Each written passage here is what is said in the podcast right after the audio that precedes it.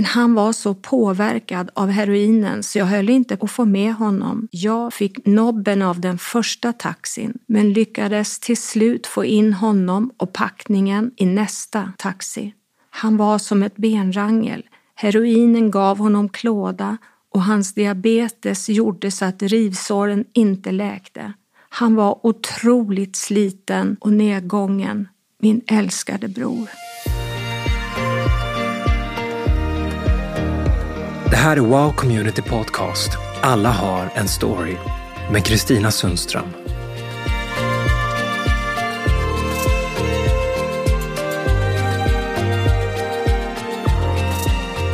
Äntligen är jag på väg.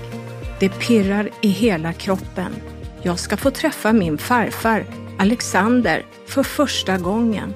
Vi sitter på en båt på väg till Tallinn.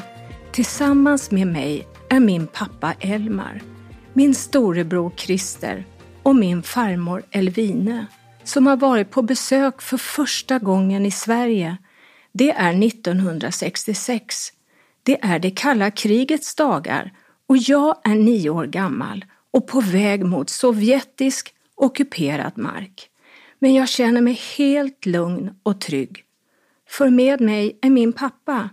Jag är så lycklig över att snart få komma till Estland, till den ö som min pappa är född på, Dagö, eller som det heter på estniska, Hioma. Jag förstod inte då alla hinder som vi först behövde ta oss igenom för att komma dit. Jag heter Kristina Kurba Sundström.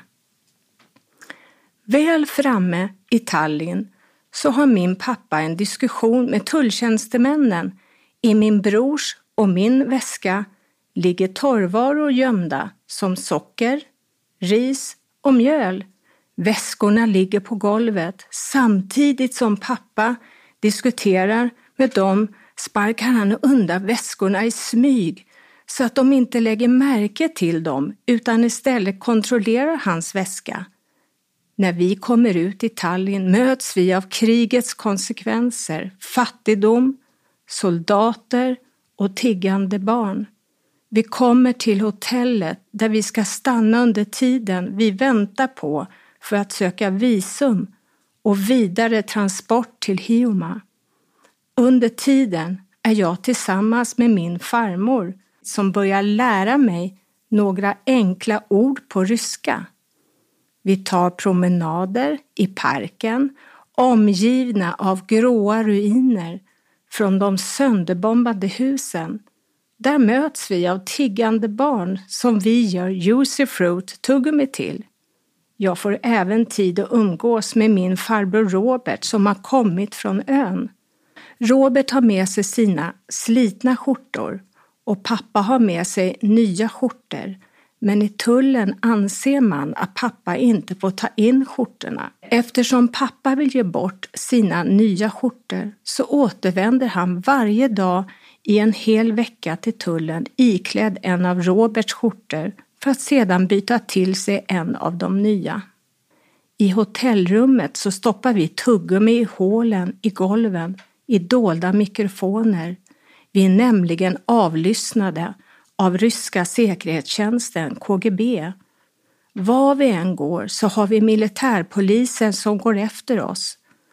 För att få tillåtelse att resa över till Hiuma behöver vi få visum och passen stämplade av KGB.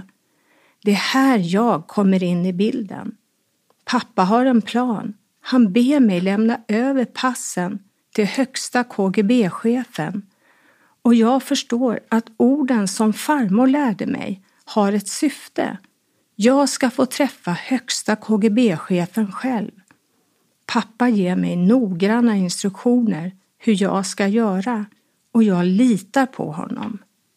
När det var dags så tar jag hissen själv i hotellet där vi bor upp till översta våningen där KGB-chefen har ett kontor. Med mig har jag våra pass, en trestjärnig konjaksflaska och en limpa cigaretter som pappa har smugglat med sig från Sverige genom tullen. Jag gör precis som pappa har sagt och går fram till honom, ger honom gåvorna, niger och talar orden på ryska som farmor lärt mig och räcker sedan över passen. Han tittar upp mot mig, stämplar passen, ger dem sedan tillbaka. Jag tackar och går sen och tar hissen ner till hotellrummet där pappa och farmor väntar. Vi kunde nu åka med lastbil och färja till ön under beskydd och bevakning av beväpnade soldater som följer oss resten av vår resa och jag förstod nog inte då allvaret i vad jag hade gjort. Min pappa flydde som 14-åring till Sverige 1944 mitt under brinnande andra världskrig i en båt över Östersjön. Sedan den stund han kom i land så hade han klarat sig själv. Nu fick han tillfälle att visa sitt hemland och vart han växte upp som barn för mig och min bror. När vi kom fram så får jag äntligen krama om farfar för första gången. Han visar oss omkring på gården Kassepöllo, där de bor. Att komma till deras gård var som att komma till en saga med grästak fullt med blommor som omger hela huset. Det är fullt med djur, får, grisar, katt och en ko. Och så odlar de grönsaker och har en tunna med inlagd estnisk gurka, eller som man säger i Estland, hapgurkit. Farmor visar oss var vi ska sova och det är nu som jag börjar förstå att min farmor tror på Gud. Även om det är strängt förbjudet så kan jag höra henne be och sjunga till Gud. Jag kan inte avgöra om det är ryska eller estniska hon pratar. Det verkar som hon har ett helt eget språk hon pratar med Gud. Pappa tar oss ner till stranden under soldaters bevakning. Marken är plöjd med svart jord och det finns även minor där, allt för att militären ska kunna kontrollera befolkningen. Vi får gå i varandras fotspår. Där visar pappa oss varifrån han flydde som ung och berättar hela sin flykt. Jag visste inte då att det skulle dröja 24 år innan jag återvände nästa gång, då med egen familj och barn. Det spöregnar, jag är på Nytorrsbadet och jag ska ta simborgarmärket. Jag är fem år gammal. Där står min älskade mamma, ensam i regnet för att heja på mig. Inga andra föräldrar har dykt upp. Det här är typiskt min mamma. Hon har alltid ställt upp. Mamma och pappa träffades i en hiss när pappa skulle sälja sin butik i Hötorgshallen det var kärlek vid första ögonkastet. De hade ingen aning om att de skulle till samma person. Pappa skulle nämligen sälja butiken till mammas svåger. Resten är som man säger historia. Jag och min bror växte upp i Farsta. Mina föräldrar hade en fruktaffär i Björkhagen och lite senare även en grillbar. Vi hade stängt en gång om året, på juldagen. Annars arbetade mina föräldrar och vi hjälpte till under årets alla dagar när vi inte gick i skolan. Andra kanske tyckte det var synd om oss eftersom mina föräldrar jobbade så mycket. Men jag älskade att vara med i butiken. Det gick ingen nöd på mig. Jag fick lära mig så mycket där som jag haft användning för sedan. Som ung flicka hade jag drömmar om att få barn och familj. Jag visste att jag ville arbeta med barn. Nära oss fanns ett barnhem och jag gick förbi där många gånger och fick en längtan att jobba där. Jag tog reda på telefonnumret dit och ringde och presenterade mig. Hon som svarade var så fin mot mig och sa om du ska arbeta med barn så ska du gå klart skolan först och sen utbilda dig för barn. Hon kunde lika gärna ha grusat min dröm, men det lärde mig något. Att uppmuntra andra och mina egna barn och våga drömma och hålla fast vid sin dröm. När jag var tio år gammal så var vi med om en händelse som skakade hela familjen. Jag och min bror hade läst extra svenska i Vega, och hade precis mött upp mamma i Farsta när vi upptäckte att hemnyckeln var borta. Mamma var tvungen att ta bussen till Vega för att leta efter nyckeln. Och vi gick hem. När mamma kom fram och skulle gå över övergångsstället till busshållplatsen så sker en fruktansvärd olycka. Hon blev först påkörd av en bil och kastades upp i luften tre och en halv meter för att sedan bli överkörd av en annan bil. Hemma tar jag emot ett telefonsamtal från sjukhuset där man försöker få kontakt med min pappa. Där förstår jag och min bror att det har hänt en olycka. Samma natt väcks en pastor i min mammas hemförsamling i Vimmerby av Gud. Han upplever att han ska be för en Margareta, men visste inte riktigt vem det var först. Han bad för hennes liv.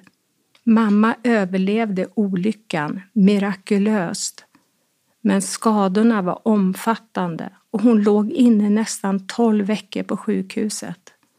Jag minns särskilt en gång under mammas sjukhusvistelse där jag helt själv tog mig från Farsta till Karolinska sjukhuset med tunnelbana och spårvagn för att överraska henne med skalräkor, blommor och ett kort som jag skrev till mamma, min älskade, från Kristina Kurba. En tid därefter flyttar min farmor permanent till Sverige ifrån Hioma eftersom min farfar hade dött. Hon fick flytta in i mitt rum. Där hörde jag henne ofta be. Här i Sverige upplevde hon en frihet att be, läsa Bibeln, sjunga till Gud som hon inte kunnat göra hemma på Hioma på grund av regim. Jag fick möjlighet att umgås mycket med henne. Återigen fick jag se hennes böneliv och tro på Gud. Jag vet att det planterades något i mig då. Det är jag så lycklig för. Idag hade jag velat prata med henne och fråga henne om saker och ting, men det får vänta till himlen. Efter en tid i Sverige dör min farmor. Hennes sista önskan var att bli begravd på Hioma och att min pappa i samband med det skulle ta med sig biblar och sångböcker till baptistkapellet där. Efter hennes död så balsamerades hon och lades i dubbla kistor varav den ena av tre och den andra av zink. Zinkkistan plomberades. Tillsammans i kistan lade pappa fullt med biblar och sångböcker på estniska. Det var fortfarande strängt förbjudet att föra in biblar och kristna sångböcker till den Sovjetockuperade Estland. Pappa ordnade med frakt av kistan och framme vid Tallinn så ville tulltjänstemännen öppna kistan för att kontrollera innehållet. Pappa sa då att hon hade legat död väldigt länge och att det luktade, att de fick öppna på egen risk. De svalde betet och kistan förblev oöppnad och fördes vidare till ön efter diverse mutor och en ny transport. Kistan kom fram sent på kvällen och det starka månskenets ljus lyste upp hela begravningsplatsen. Farmors sista önskan gick i uppfyllelse. Hennes böner besvarades. Biblarna och sångböckerna delades ut bland hennes församlingsmedlemmar. Det blev en begravning med både glädje och sorg. Hemma i Sverige passerade tiden och jag växte upp. Under min uppväxt så gick jag både i Centrumkyrkans söndagsskola, scouter och ungdomsgrupp. Men det var inte förrän jag var 16 år gammal som jag på riktigt började söka efter meningen. Jag fick höra om en resa till Jesusfolket konferens i Sundsvall. Jag och min kompis Lotta bestämde oss för att åka dit. Vi klev på den abonnerade bussen och det första jag såg var ett par blåvita dojor. Dojorna tillhörde en snygg kille med gitarr. Samma kväll på konferensen i Sundsvall tog jag emot Jesus för första gången. Den helgen blev jag förälskad, inte bara i Jesus utan även killen med de blåvita dojorna.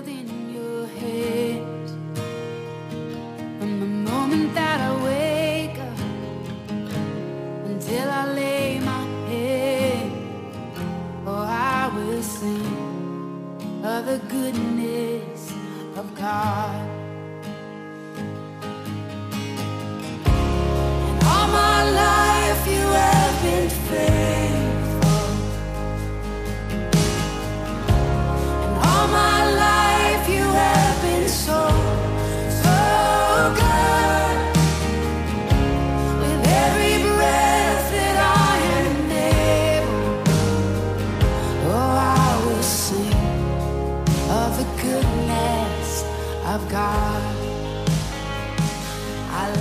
Jag kom tillbaka efter helgen i Sundsvall till skolan.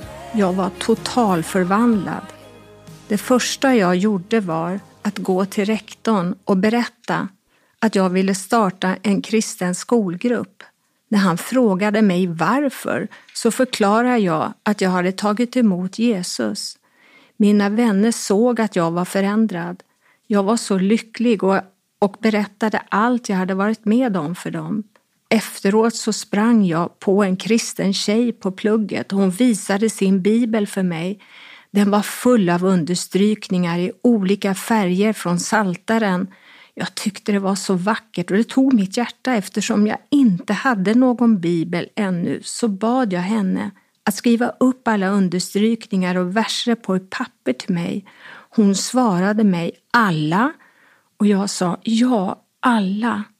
Så började mitt liv med Jesus och att läsa Bibeln. En tid därefter fick jag ett paket på posten. Wow! En bibel från mormor och morfar i Vimmerby. Jag är verkligen ett bönebarn.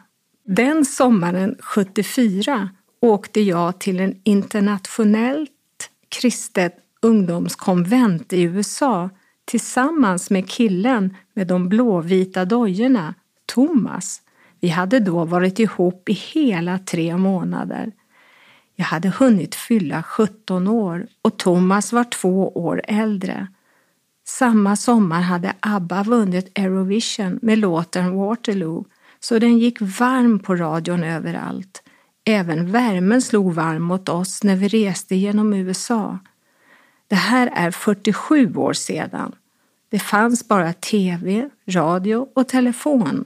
Om man ville skicka ett meddelande så var det snabbaste sättet att skicka ett telegram. Vi bestämde att vi ville förlova oss. Då var vi i St. Louis. Vi var kära och samtidigt allvarliga med vårt beslut. Vi köpte ringarna i ett varuhus för 50 dollar och gick in i en liten kyrka. Där bad vi och slog upp tumvers på måfå och bekräftade våra beslut. I Ordspråksboken 5 och 18 läste vi Gläd dig över din ungdoms hustru. Men vi nöjde oss inte med det. Som ett tecken på vår förlovning ville vi också föra någon till tro denna sista vecka innan vi skulle återvända till Sverige.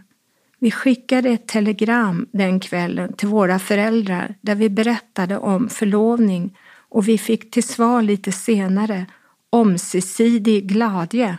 Vi firade även med den svenska gruppen genom att gå på baseballmatch och visa upp våra ringar. Men vi väntade fortfarande på det sista tecknet. På något sätt är det väldigt spännande att utmana sig själv och Gud. Vi ville leva 100% för Jesus. Några dagar senare kom vi till konventet i Portland där vi träffade en ung man på en buss. Han hade gått på luffen i fem år längs den amerikanska västkusten. Hans kläder var enormt slitna, det höll nästan inte ihop. Han hade ätit ifrån soptunnor. Han såg vår vän Gunnars träskor.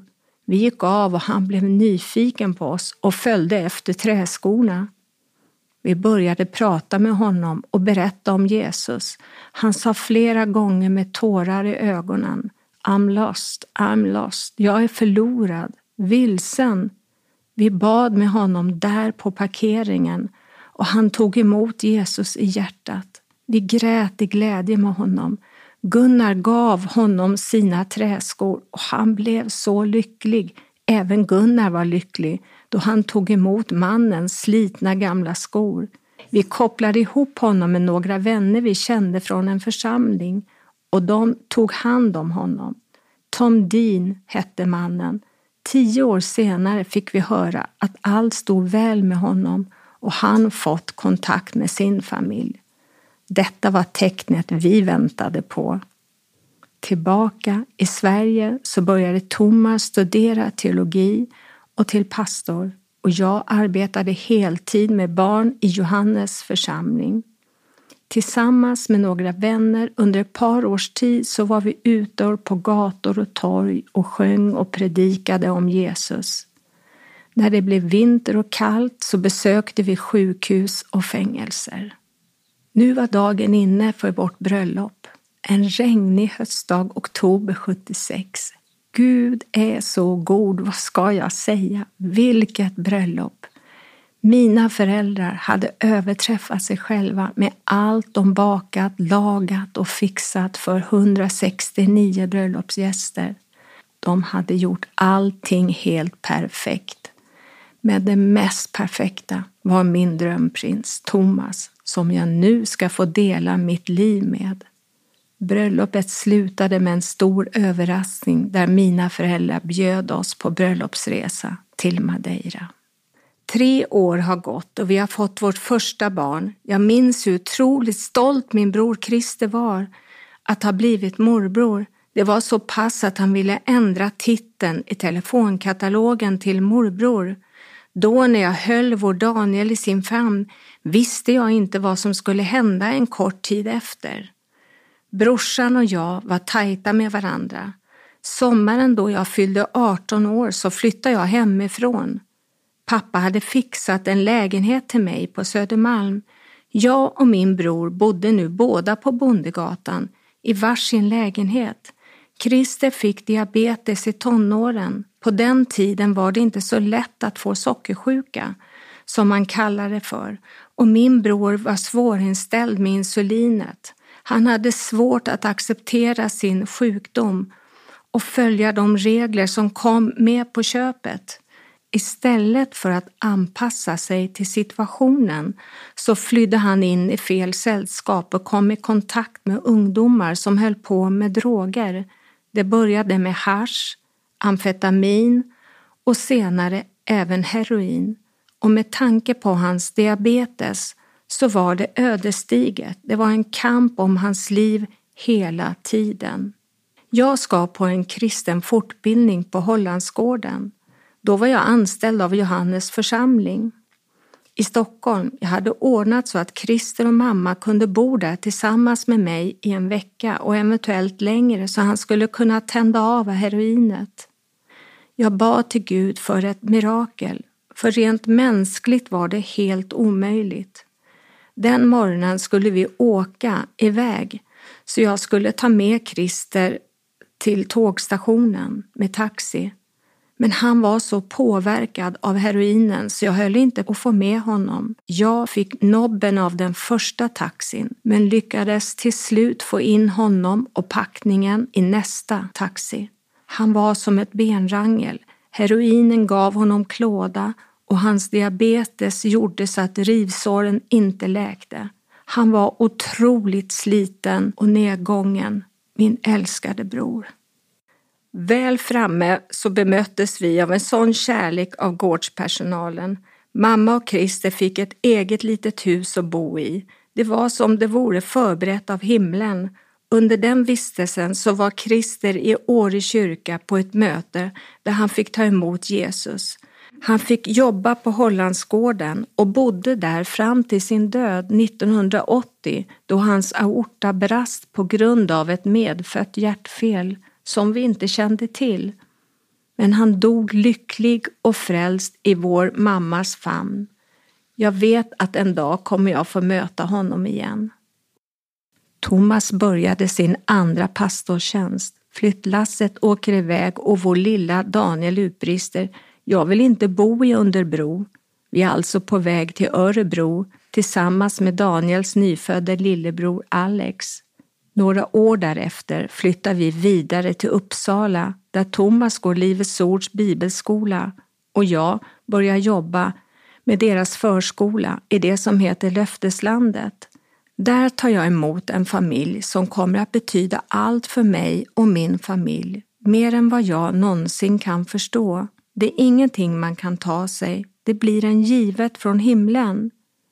Jag fick ta emot en liten god tjej i min famn som hette Linn. Hon var glad och tillgiven. Jag säger till mamman att flickan är trygg här och att det är en välsignad familj.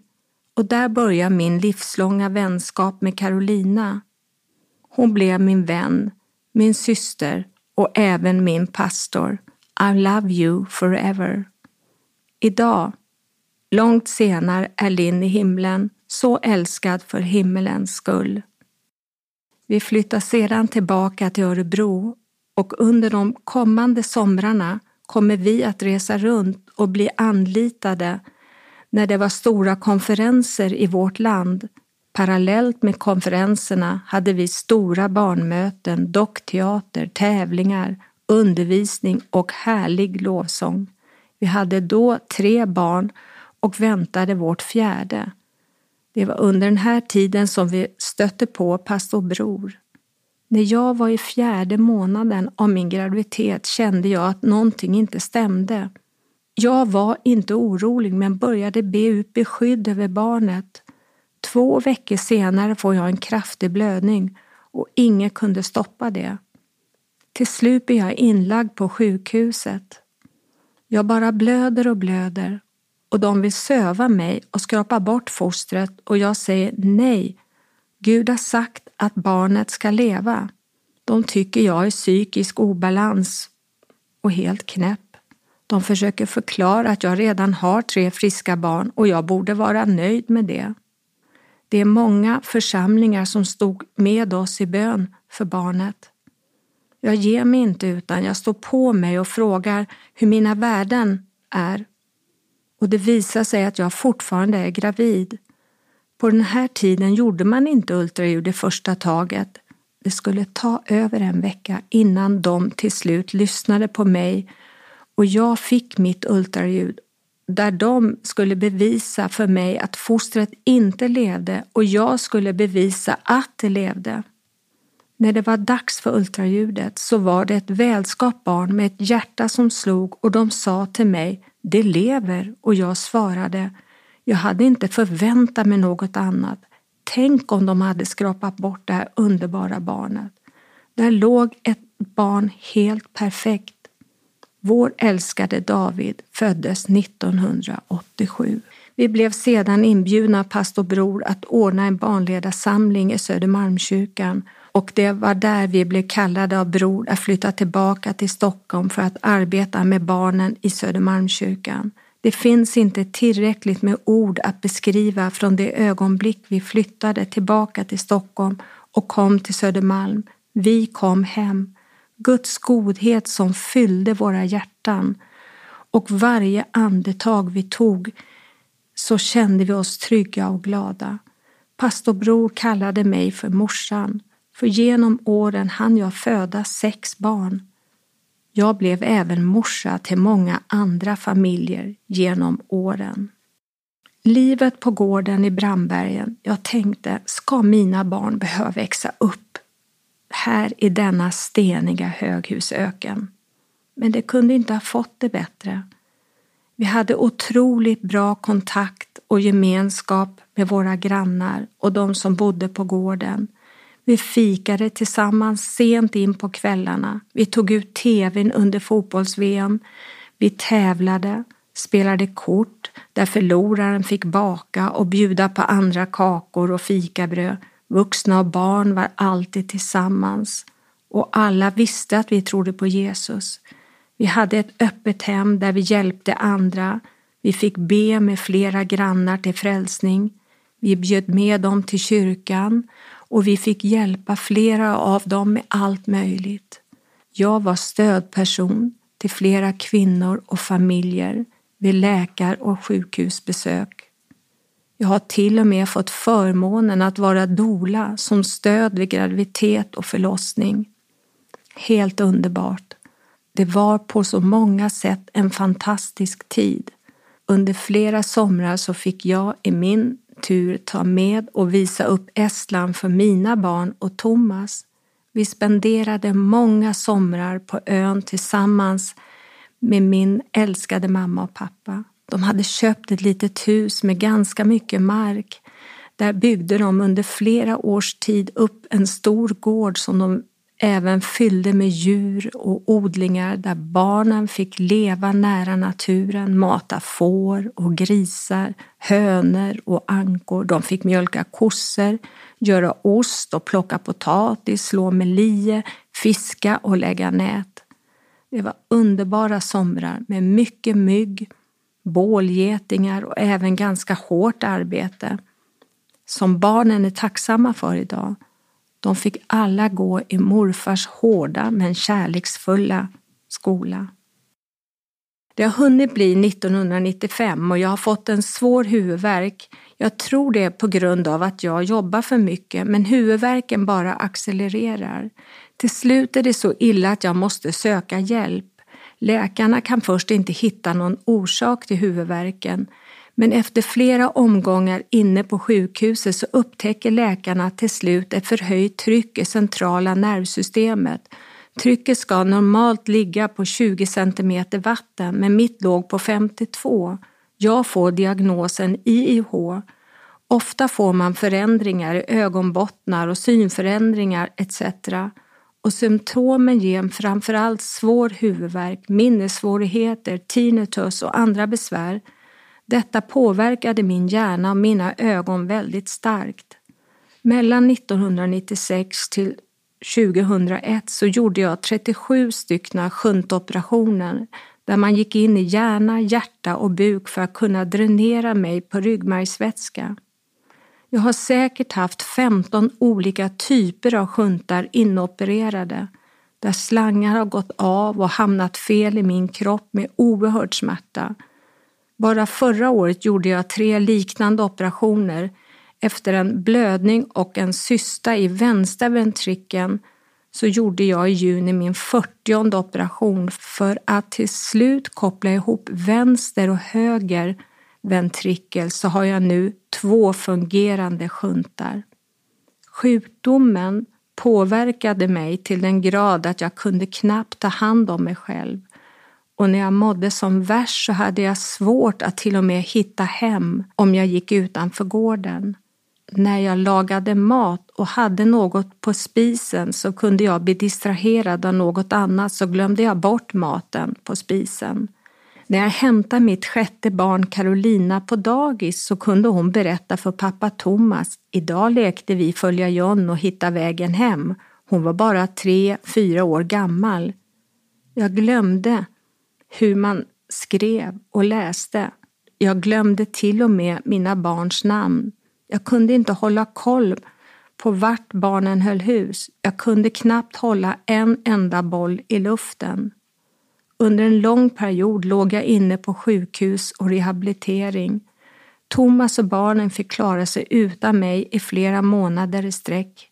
Thomas var en riktig hjälte som bar familjen under denna tid. Han gjorde allt för barnen. Han till och med flätade tjejernas hår. Även mina föräldrar var ett stort stöd och jag vet inte vad jag skulle ha gjort utan dem. Och likaså våra vänner i församlingen och grannar på gården. Men det var otroligt svårt att vara skild från min familj under så lång period. Det kändes speciellt svårt med tanke på vår yngsta som inte kunde förstå vad som hände. Men sjukdomen drabbade alla i familjen, både stora och små. Jag genomgick två neuropsykologiska utredningar där man totalt räknade ut mig. Man ansåg att det var omöjligt för mig att komma tillbaka alls.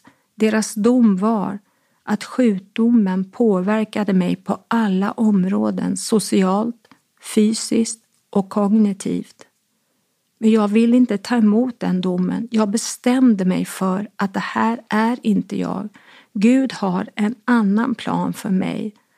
Om jag inte tidigare i livet hade tagit mig tid att vara med Jesus och läst ordet, Guds ord och byggt mitt liv på honom så hade jag aldrig klarat av att ta mig igenom de här svårigheterna. Det hade varit otroligt tufft men jag hade bestämt mig för att inte ge upp. Så än en gång så kastar jag mig på Gud. Inget har heller hindrat mig från att berätta om Jesus och hjälpa andra och vara stöd för familjen i vår närhet. Till och med på sjukhuset så fick jag kontakt med människor och berätta om min tro. Några av dem har jag fortfarande kontakt med. Så jag bestämde mig för att sjukdomen ska inte besegra mig. Jesus har redan vunnit seger. Vi har precis upplevt vårt första bröllop med vår son Andreas och hans fru Rebecka. Hon önskade sig ett vinterbröllop med snö och det vart verkligen snöstorm i hela Storstockholm. Det var snökaos och kallt. Ja, Gud hör bön. Det är början av 2000-talet och vi har gått in i ett nytt millennium och pastor Bror introducerar G12-visionen från Colombia i vår församling. I den vevan går jag med i pastor Carolinas cellgrupp. Hon utmanar oss kvinnor att själva starta cellgrupp och jag tackar ja på en gång. Tänk, jag kunde inte ens läsa och skriva, men jag sa ja ändå. Oh, typiskt mig. Ingenting får stoppa mig. När jag kom hem så tänkte jag, vad har jag gett mig in på? Vem vill börja i min cellgrupp med en cellgruppsledare som inte ens kan läsa och skriva? Men jag tog ett steg ut på vattnet. Allt gick så fort. Inom loppet av några veckor så var mitt vardagsrum fullt med kvinnor.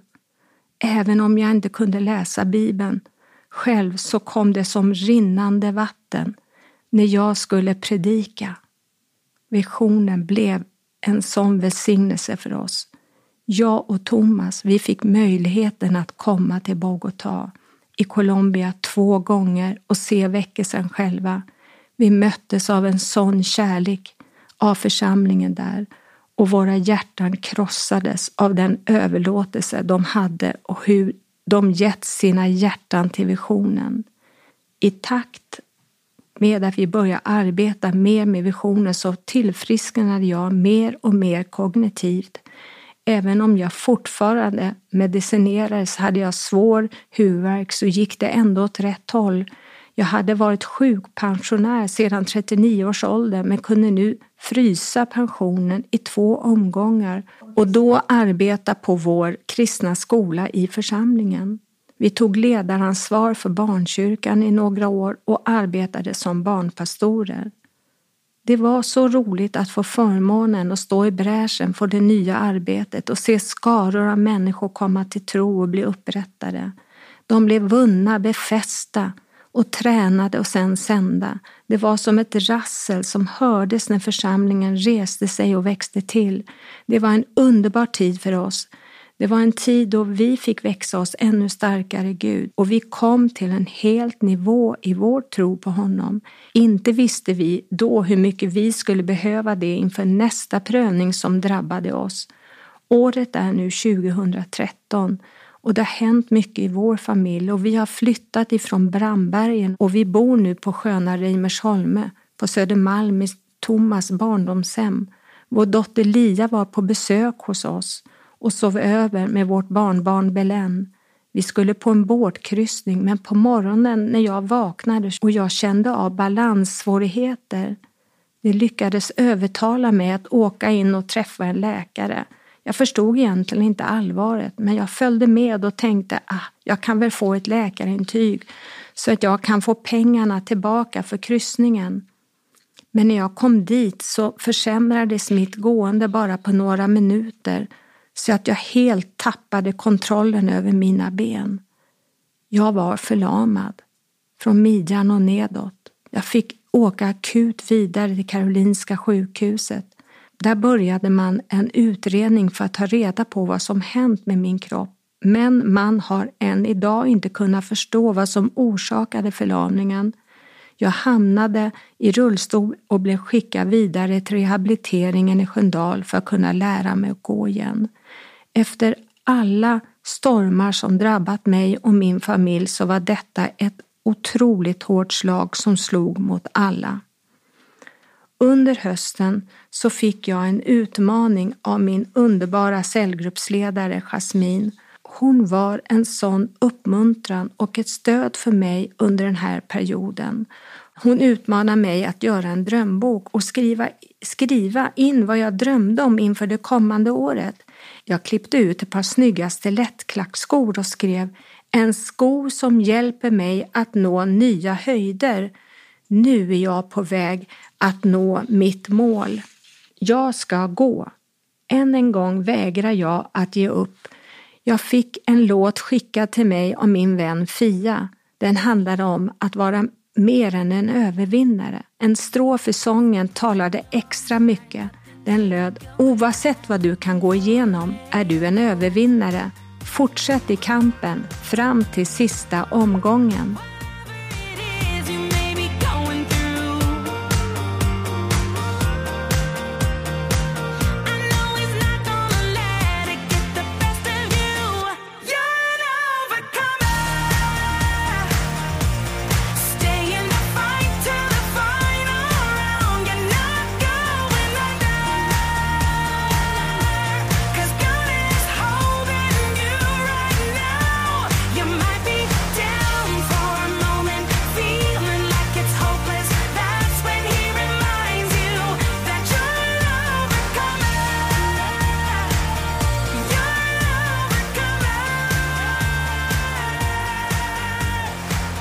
Idag kan jag gå igen, tack vare Gud. Jag är så tacksam. Jag kan verkligen lita på Gud. Hans nåd sviker aldrig. Och älskade pastor Lennart och Carolina, er kärlek, ert stöd har burit mig igenom allt jag har gått igenom. Det finns inte ord att beskriva vad det har betytt för mig under åren. Jag älskar er. I Bibeln står det att man ska hedra sin mor och far. Därför vill jag tacka er, mamma och pappa, och säga att jag värdesätter allt ni har gjort för mig och min familj. All er kärlek, Tina. Jag och Thomas är stolta över våra älskade barn och deras familjer. Vad vi än går igenom så har Gud alltid burit oss. Jag är övertygad om att vi har fört över förmågan att aldrig ge upp till våra barn och att samtidigt sträcka sig ut till andra människor och att sedan i sin tur ge vidare till sina barn. Idag har vi 14 barnbarn hela vägen från Sundsvall ner till Quijon i Spanien. Om det är något jag har lärt mig i livet så är det att aldrig ge upp och aldrig låta omständigheterna styra bort från kallelsen att hjälpa andra människor. Jag kan idag höra pastor Brors röst.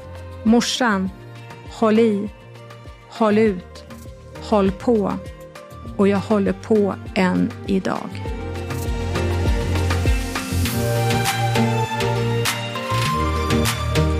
Tack för att du lyssnade. Det här var Alla har en story med Kristina Sundström.